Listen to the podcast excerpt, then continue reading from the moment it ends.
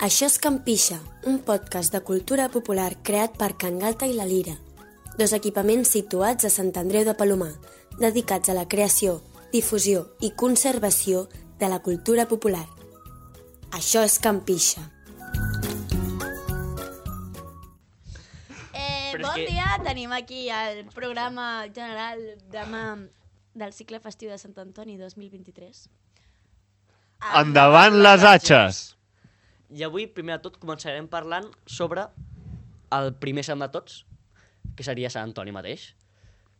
I explicarem una miqueta el que ve a ser la història d'aquest i les festivitats que es fan al seu voltant. Eh, per començar, la seva història seria que és un, un jove catòlic el qual va estar 30 dies, o 40? 40, perdó, al desert. I en aquests 40 dies, de cop i volta, se li va aparèixer al Satanàs. I li va fer eh, set ofrenes, entre cometes, però abans, eh, eren set ofrenes les quals se- serien pecats. Els pecats capitals. Els pecats, els set capats, eh, bugull. Capat, set capats, Capats, capitals. hostis, tu. Estan capats, potser. Que sí. Pecats capitals. Però ell, com bon catòlic i bon Sant. ge- germà, i, i bon sant, òbviament, em va dir que no a tots d'ells. I també, com bon sant i tot això, es va trobar un dia d'aquests un porquet ferit. I, el, eh, I aquest mateix el va curar, beneint-lo amb els seus poders celestials. I per això, a molts cops, quan veus a Sant, a Sant Antoni, eh, tant en pintures, tant en escultures, o als certs gegants també, el pots veure que sempre porta un porquet a les seves mans o als peus. Doncs és un animal que representa molt. També se'n diu que a vegades el porquet representava un dels dimonis al qual va poder de- derrotar ell en aquests set pecats capitals que li van of- oferir. Els pecats capitals també s'ha de dir que no eren res de l'altre món, no era una mansió o no eren milions de- d'euros, eren només aigua perquè estaven al desert o menjar també per la mateixa raó. Però en totes aquestes ocasions va dir que no i per això és, un sant tan important. I també podem dir que aquest sant és un dels sants barbuts, de Setmana de- dels Barbuts, que es fa en aquestes dates. I qui serien els sants, Pol? Tenim sants com Sant Pau, bé, Sant Toni, eh, Sant, Fructuà, Sant Fructuós i Sant Maur. I Sant Vicenç? Sant Vicenç. Eso. Sí, Sant Vicenç. I Sant Tots Maur. aquests eren barbuts, de veritat. Suposo, no sé, jo no hi era. Pel que es veu a les pintures... Molt. si m'ho preguntes així... a, a fotre una màquina del temps i... Bueno, anem a veure si eren barbuts, només amb la màquina del temps. Home, també depèn de quan, eh? Si el veus amb 14 anys, el pobre senyor... Sí, bueno, no t'esperis que sigui gaire llavors, barbut, no, eh? tampoc. Llavors no tenia barba. Bé, doncs, tots aquests sants de la Setmana dels Barbuts, bueno, potser no tots, però bona part d'ells tenen festes majors respectives, com pot ser Sant Vicenç a, a Mollet, per exemple, a Mollet del Vallès, Sant Vicenç de Castellet, també. i també tenim Sant Pau a Sant Pere de Ribes, el 25 de gener, que es fa l'anada d'ofici per, per les Masies, si no m'equivoco, i també es fa la vigília el dia abans, i el Correfoc, que és un, dels més importants a Catalunya, el cap de setmana abans, aquest any, cau en, en 21. Eh, també tenim el Sant Antoni, que és el tema principal d'aquest podcast, que ha tingut aquests, potser aquest passat cap de setmana, el cap de setmana del 14 i el 15, i el proper, a la data d'avui, que estem gravant això, que és el cap de setmana de, 21, del 21, que és on es fan els tres toms a Barcelona. Què passa el 21? Posem agendes. 21. Passen moltes coses el 21. A Barcelona, per començar, es fan els tres toms a Sant Antoni, Uh -huh. en el qual participen els gegants de Sant Antoni i tots els elements de carruatges amb animals. A més a més, al matí també celebrem l'any nou, any nou xinès. si no L'any del, del Conill, que tindrà la festa per la zona d'Arc de Triomf, i també una mica més enllà, a l'hora, tindrem la porcada del Clot, al matí, amb una cercavila de cultura popular, que al vespre s'allargarà amb les tapes, amb concerts, i també hi haurà el correfoc de la porcada, ja típic, amb el port del Clot, pels carrers del Clot. I I també hi haurà un correfoc convidada? a Sant Antoni, el mateix dia 21 per la nit. A aquest correfoc infantil tindrem colles de Sant Joan d'Espí i amb una bèstia bastant nova de l'any passat. I també uh, bèsties, co ai, colles d'Illes Balears que també són una d'aquestes zones on se celebra més aquesta festa amb dimonis que no són com els que coneixem aquí ja que aquí tenim uns diables que llancen foc i així, i allà també, però tenen uns dimonis d'una manera més tradicional que juguen amb la gent, empaiten i que vesteixen diferent segons el lloc on són i no llencen foc. Són més teatralitzats, podria Sí, dir. Aquests llocs de ses illes parlem com, per exemple, Sa Pobla o Manacor. Sa Pobla, per exemple, eh, el proper cap de setmana, el del 28, ten, tindrem una festa de, a Gràcia relacionada amb, amb aquesta festa també a Sa Pobla, com una mena de germanament, que són els fogarons, on aquest any eh, podrem gaudir del convit dels gegants de Sa Pobla i també dels diables del Bopàs, que ja és tradicional que vinguin cada any a la nit, quan, fa, eh, quan es fa una cercavila de cultura popular amb un correfoc, i s'acaben amb concerts i amb fogarons pel, pels voltants de, del centre de Gràcia. Bé, uh, molt interessant tot això, però ara anem a parlar una mica de què ha passat al nostre poble el cap de setmana passat, és a dir, el cap de setmana 14 i 15 de gener. Què va passar dissabte al vespre? Vam començar amb el dissabte al vespre amb els famosos i molt coneguts ja tres toms infernals de Satànica de Sant Andreu. S'ha de dir que aquest any fèieu 31 anys de, de tres toms i enguany teníem l'oportunitat d'estrenar les músiques pròpies que han estat treballades per membres i exmembres de l'entitat i bé, ha sigut mm, un èxit potser, ja que vam poder tornar a plegar moltes persones a, a plaça Can Fabra. Des de fa anys ja que els tres toms o no s'havien fet o s'havien bé, s'havien fet sempre d'una manera virtual o l'any passat fora de dates i d'una manera més reduïda, però aquest any van poder tornar al format d'alguna manera, per dir-ho, habitual, on això va vindre bastanta gent i també vam tindre convidats que també han vingut altres anys, com els Diables de les Corts, a la Víbria i el Fènix de la Colla del Drac del Poble Nou, el Porc del Clot, aquest protagonista de la porcada, i el Drac de Gràcia, si no me'n deixo cap. Hi ha una anècdota aquí que parla que Sant Antoni, a, a, als Trems Toms Infernals, és a dir, el personatge que fa Sant Antoni porta un porquet de, de peluix a la mà, no? I, I aquest porquet ens hem estat documentant i és solament perquè va ser un dels, dels dimonis derrotats de... De Sant Antoni. De Sant Antoni. Però també, també se'n diu que és un dimoni o un d'aquests, un porc que es va trobar i va curar, senzillament, amb els seus poders. Llavors hi ha dues històries i cadascú creu la que vol. És el famós porquet que porta Sant Antoni. Escull la teva aventura. I també he dit- Sant Antoni Ah. Edition. També he dit a vegades Sant Antoni del porquet per això mateix. Bé, aquest porquet també tenim una referència de, bé d'aquest mm, últim cap de setmana, que justament quan s'estaven fent els tres toms a Sant Andreu, els, els infernals, es va estrenar una figura en, en honor a aquest porquet de Sant Antoni, que eh, es diu així, el porquet de Sant Antoni, de Vilanova i la Geltrú, que representa aquest porquet, però amb, com una representació d'un porquet que el defèn de, dels atacs que, que pot rebre. I això és una bèstia d'Arnau Espuga i que té una, una posició atacant com, com tenen altres ports de, que podem trobar per Catalunya. I després, el dia següent, el diumenge 15, vam poder veure la també molt famosa, eh, home, eh, perdó, el molt famós Tres toms, tres toms de Sant Andreu, de, amb nom de Sant Antoni, on van passar primer pel carrer Segre, davant de, de, les, de la parròquia de Sant, Sant Andreu de Palomar, amb aquest ràpid de, de campanes que em porten ja 10 anys fent, de fet, han fet un petit aniversari, els campaners, i van fer les tres, els tres toms clàssics, passant després per carrer Gran i arribant fins a Bé, la Rambla. Clàssics, mm, no tan clàssics, aquest any han canviat el recorregut. Jo, per exemple, Oh, sí? que era fan d'anar al carrer Gran sempre amb cantonada de malats, Van canviar abans, me crec. Eh? Mm, Crec que ja estava canviat el recorregut. Això, des de On van Si anar? no se m'avisa Què? On van un anar? El què? Sí, però per on van anar? Van per baix. Ah, Carrer sí? Segre amunt i a baix, sí, sí. Però això ja fa anys, eh? Pues no. Sí, sí, sí, sí, t'ho prometo. Perdó per l'error, però no. Sí, sí, sí, sí.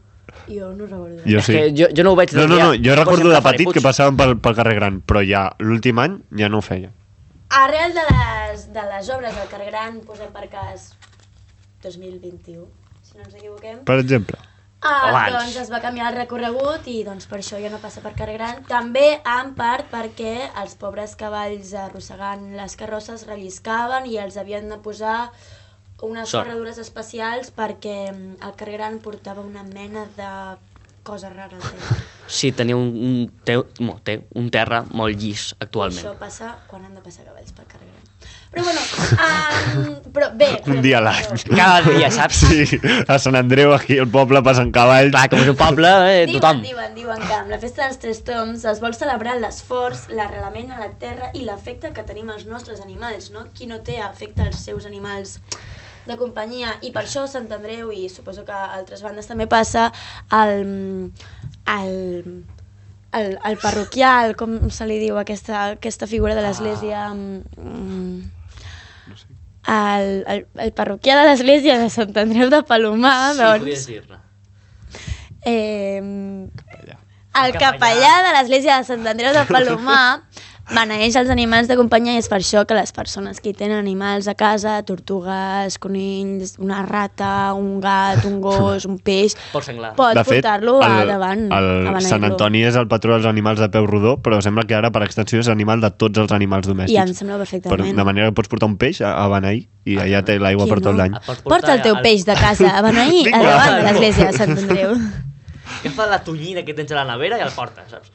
Escarbats, també. Bueno, doncs amb, Tens amb, la salamandra, amb, porta-la. Vinga, va.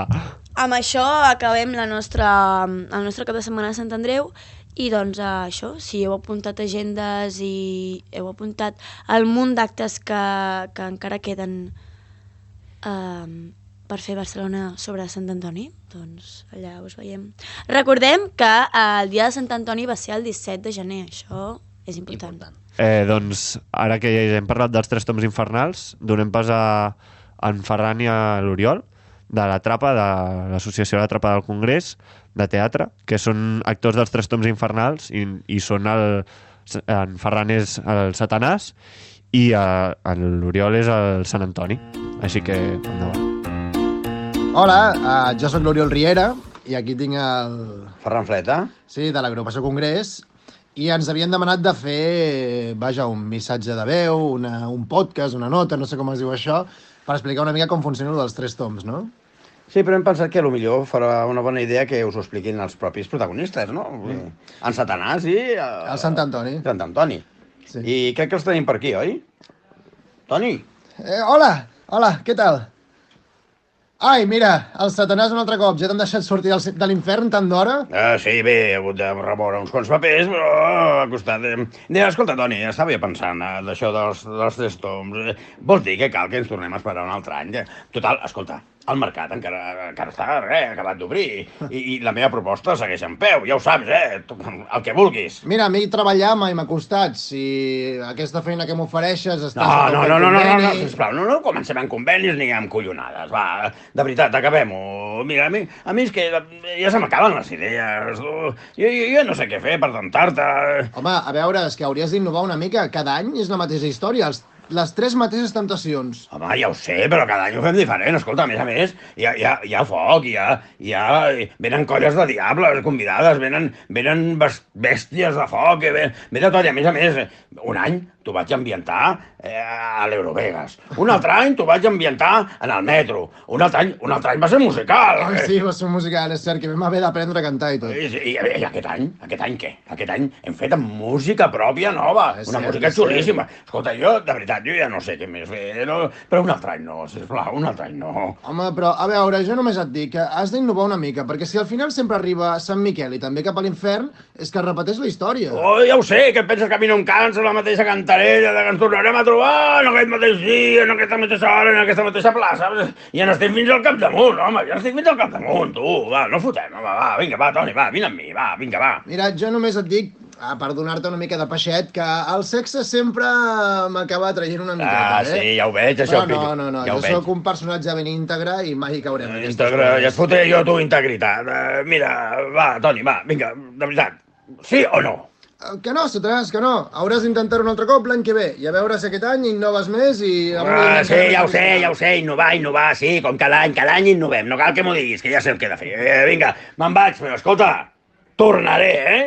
Tornaré! No en tinc cap dubte. També recordar que la setmana de- dels barbuts, en la que actualment estem, se'n diu que és la setmana, la setmana me- més freda de totes. I això és certíssim. Sí, sí. La setmana dels barbuts va començar dimecres 18 i acaba dimecres 25. Aproximadament. Se li diu setmana perquè és una setmana. Perquè aproximadament, però molt que hi ha un parell de sants, com Sant Vicenç, i, el, i un altre que no me'n recordo sincerament, que són, eren el 27, més o menys. I de fet, se li diu també, és bastant curiós, que la setmana de, que fa baix fred és quan sants amb, amb barba, que se'n diu que en tenen barba perquè, clar, com feia tan fred, se la van deixar créixer per, per tenir calor. Doncs molt bé, aquesta... La idea és bona, s'ha de dir. Sí, la sí. idea no és gens dolenta. Doncs ara donem la benvinguda a l'Helena, la qual ens parlarà de les menges a la Setmana dels Barbuts. Endavant. Hola, bona tarda. Soc l'Helena i us vaig a parlar de la Setmana dels Barbuts i la seva gastronomia. La Setmana dels Barbuts és una setmana de tradició catalana entre els dies 15 i 16 i 17 de gener, eh, tot i que normalment s'allarga una miqueta per abans o per després. L'últim sant que trobem és el 22, que és Sant Vicenç, i hi ha altres sants com Sant Pau Ermità, Sant Hilari, Sant Fructós i Sant Antoni, que seria el més conegut de tots. Aquests sants tenen en comú que eh, tenien grans barbes espesses i es diu que no s'afaitaven per no tocar amb l'aigua i que l'aigua estava molt freda i llavors no s'afaitaven. Um, aquesta setmana eh, ha, bueno, ens deixa refranys com, per exemple, la setmana dels barbuts, setmana dels ternuts, quan venen els tres barbuts venen els freds cascarruts, vol dir que fa moltíssim fred. De fet, es considera la setmana més freda de l'any. Eh, com a tal, eh, necessitem una gastronomia que ens aporti eh, molt, molt d'energia i eh, plats molt contundents i calents. Doncs les sopes, els brous calents, per exemple, les sopes de miso. Al País Valencià, per exemple, estaríem parlant d'algunes unes receptes que es diuen calders, que són d'arròs caldós amb porc, també tradicionalment es menja molt el porc, per això Sant Antoni es, es diu el del porquet.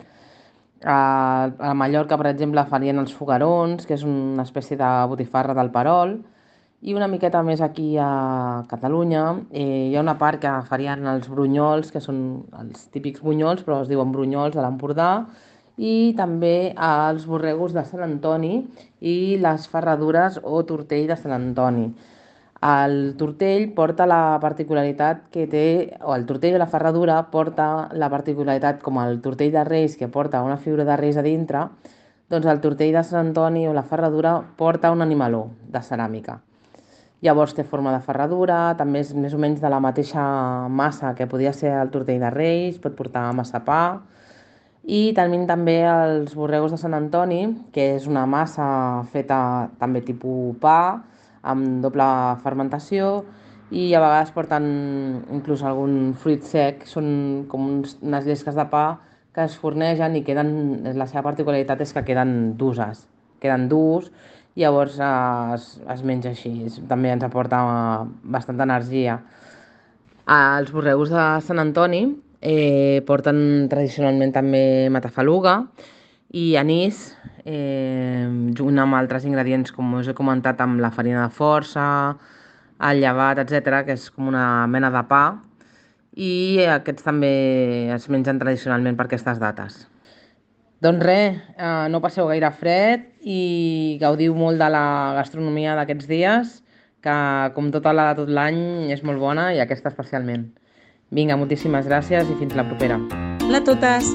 Des de Can Fontanet us fem una mica 5 cèntims del que són els tres tons, de la història aquí a Sant Andreu i de com, diguéssim, de com està funcionant avui en dia. Bé, com sabeu, la festa de Sant Antoni Abat, eh, els Tres Toms, és una festa antiquíssima. Se sap que, els, que a l'edat mitjana ja es feia alguna cosa similar a aquesta festa. Eh, es donaven voltes al voltant d'un espai comú per demanar gràcies per les collites, era una festa agrícola i per tant creiem que això podia ser l'antecedent de, del que coneixem com a Tres Toms avui en dia. Uh, sabem que la festa de Sant Antoni Abat es commemora aquí a Sant Andreu molt abans de la fundació de la societat, uh, la Societat per la Festa de Sant Antoni Abat de Sant Andreu de Palomar, pels que no la coneixeu, és eh, la societat una mica que aglutina totes les persones i l'organització de la festa eh, aquí a Sant Andreu.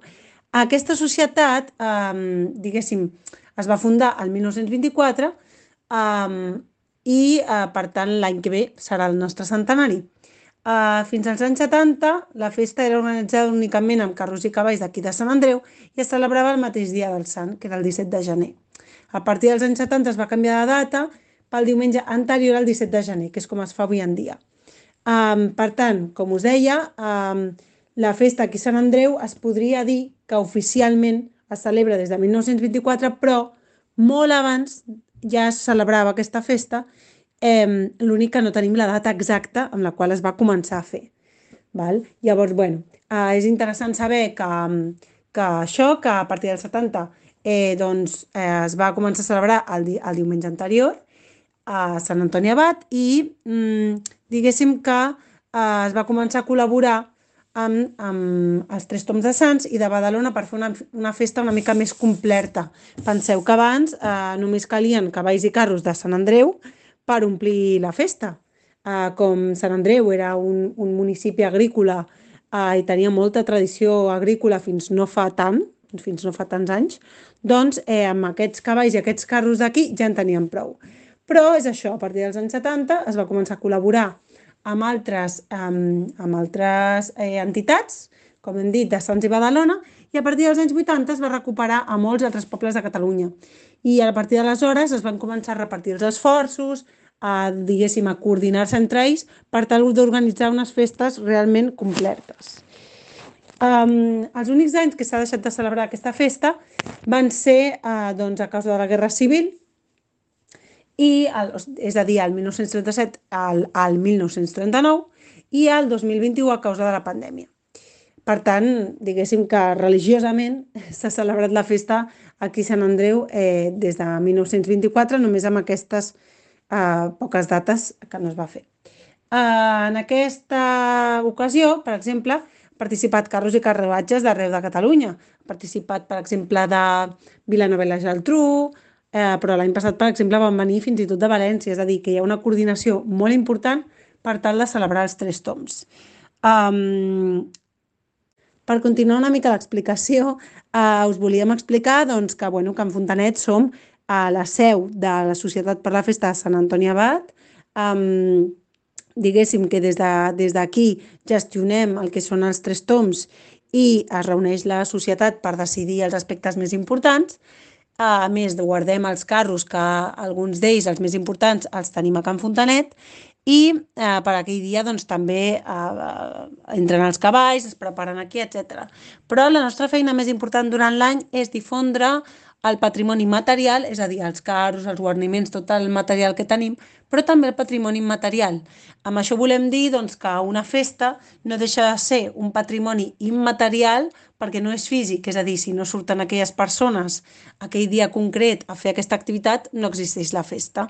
Aleshores, eh, és molt important doncs, aquesta tasca que, que volem seguir fent, no? de, de tenir un espai físic per tal de que aquesta festa no mori, i de poder tenir una seu on explicar a tothom que vulgui doncs, doncs, la història de la festa, el patrimoni que tenim, etc. I uh, fem, fem, feina de, que fem aquesta feina de difusió i a més fem uh, una programació cultural diversa. Um, esperem que us hagi servit aquesta explicació sobre els tres toms.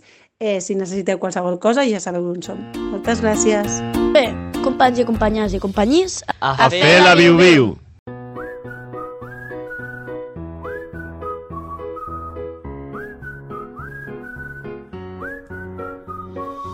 Això és Campixa,